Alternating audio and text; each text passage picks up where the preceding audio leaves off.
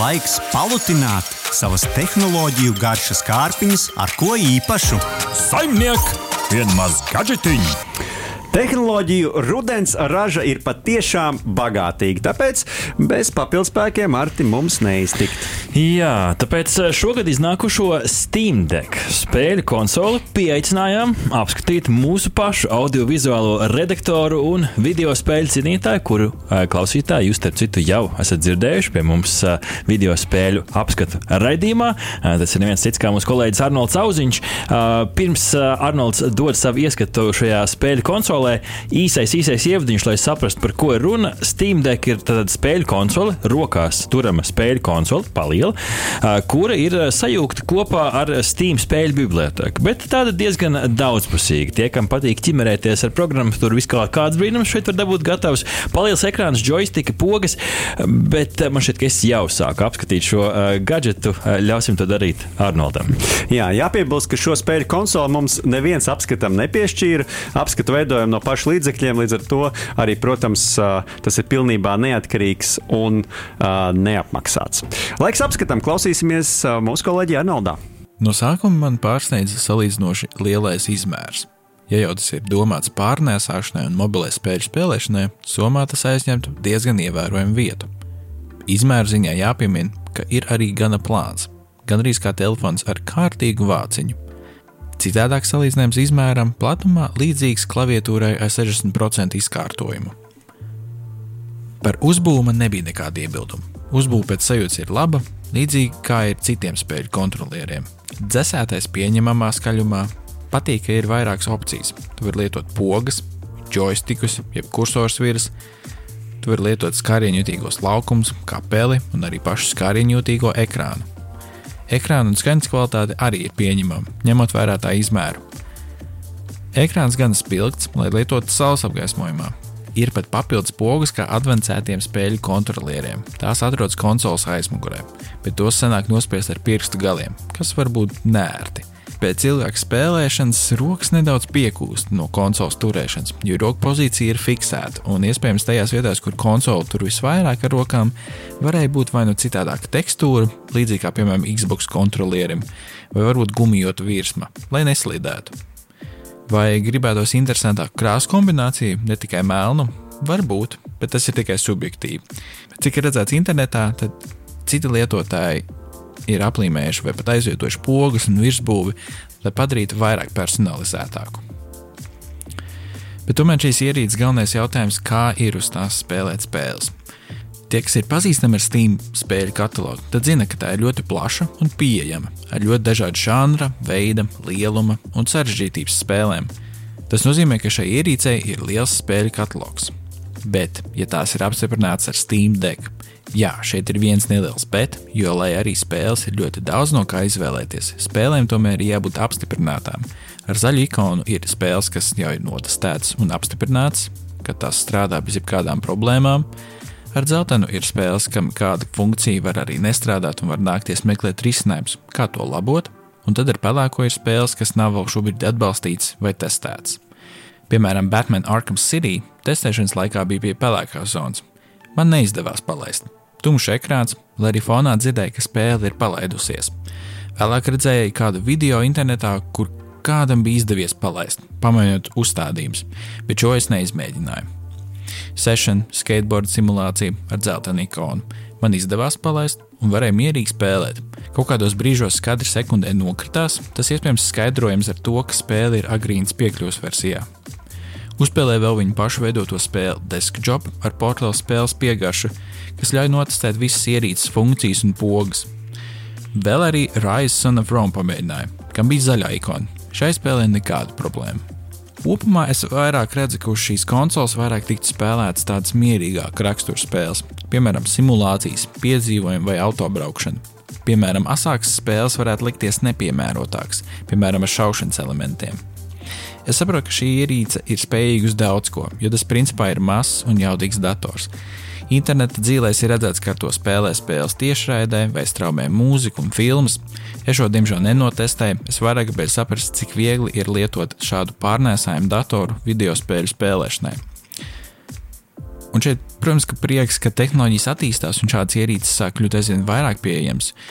Ir tādi konkurenti jau ANEO, Logitech drīzumā iznāks arī ar savu daudziem ļoti zināms Nintendo Switch, bet tā jau cita ir konsole.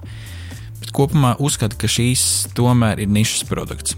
Steam Deck ļauj spēlēt pārnēsājumā veidā, bet ne uz ilgstošu laiku. Grūti iedomāties, piemēram, spēlēt liela budžeta spēli, braucot sabiedriskajā transportā, vai vienkārši laiku kavējot ceļojuma laikā. Jo šīm ierīcēm lielākā problēma būs ar bateriju, kas šo visu iespējams ievākt vienos vai otros vārtos. Uz īsu spēles sesiju ar nedaudz samazinātiem uzstādījumiem var šo ierīci lietot. Ilgstošai spēlēšanai tas būs apgrūtinoši. Būs jāpieslēdz pie vada, tātad fiksēta vieta, un vads nav tik garš, lai varētu mierīgi iegulties dīvānā.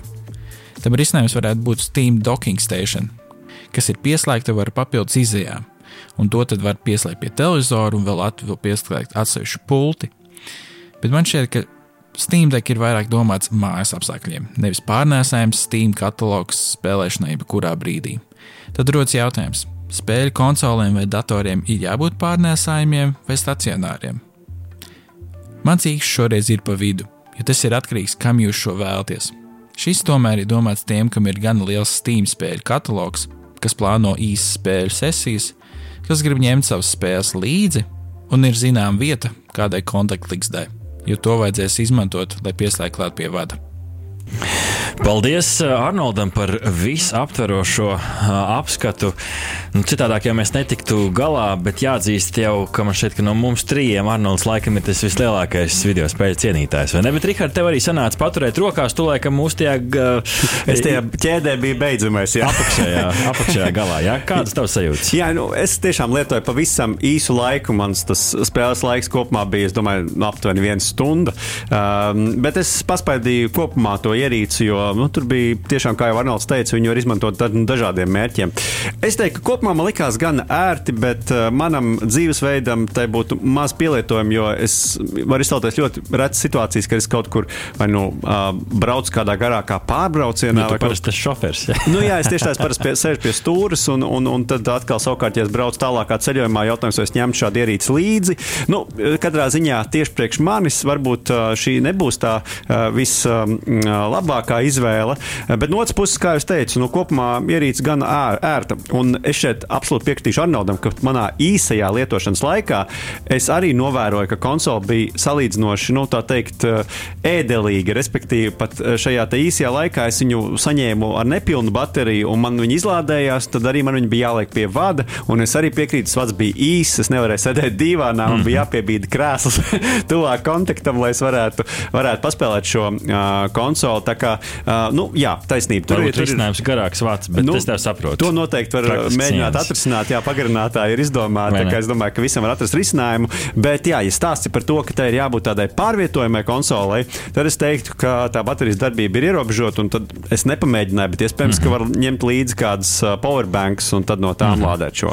Nu, es laikam tajā gradācijā esmu kaut kur pa vidu, lai gan es sev uzskatu par tādu ritīgu gameru. Man šķiet, ka es esmu reti, kad jau palicis par tādu svētdienas video spēļu cienītāji, bet tomēr man spēles patīk spēlēt, tāpēc šo konsoli patiešām gaidīju ar nepacietību. Uh, un jāsaka, ka es laikam esmu arī izsaudzis un nedaudz tas ikdienas ritms ir pamainījies. Paskaidrošu, kāpēc es, es spēlēju video spēles. Man tiešām patīk. Uh, taču nu, es uh, šobrīd, piemēram, man aktīvā spēle ir Red Dead Redemption online šī versija, Westerns tiešsaistē.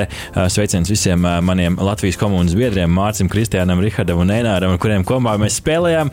Gribēju uzspēlēt ar viņiem arī caur uh, Steam Deck uh, spēļu konsoli, taču nu, neizdevās, jo šo spēli man neizdevās uh, ielādēt uh, Steam Deckā. Nu, tā ir atvērtā tipa, atvērtās pasaules spēle, kā jau varētu arī uh, tīri tā fiziski ar, ar, ar šo te joystickiem, jeb svirām arī spēlēt, jo nu, tas pats jau ir Xbox pultī, bet nu, tomēr. Nu, un tāpat bez kaut kādiem apkārtceļiem, jo tādi ir, protams, emulatori, dažādu citu platformu lādēšana caur trešo pušu lapām, kas varbūt varbūt nav pats drošākais. Uh, nu, es neatradu ne Grand Theft Auto 5, NHL, Cyberpunk, uh, Mafia 3, Rocket League arī kā neatradu, bet biju redzējis, ka citi spēlē. Nu, arī Star Wars Jedi Fallen Order caur Steam deku. Nē, bet uh, esot uh, Origin šī platforma, katrā ziņā tur jau aiziet tas posms, kur tu sāc ķimerēties un meklēt tos risinājumus. Es atradu gan F1 jauno spēli, uh, 22. gada, un arī Star Wars Squadrons, kur var lidināties. Uh, Bet nu, te es atkal uh, sa saskāros ar šo mazo niansi, ka šīs spēles jau ir.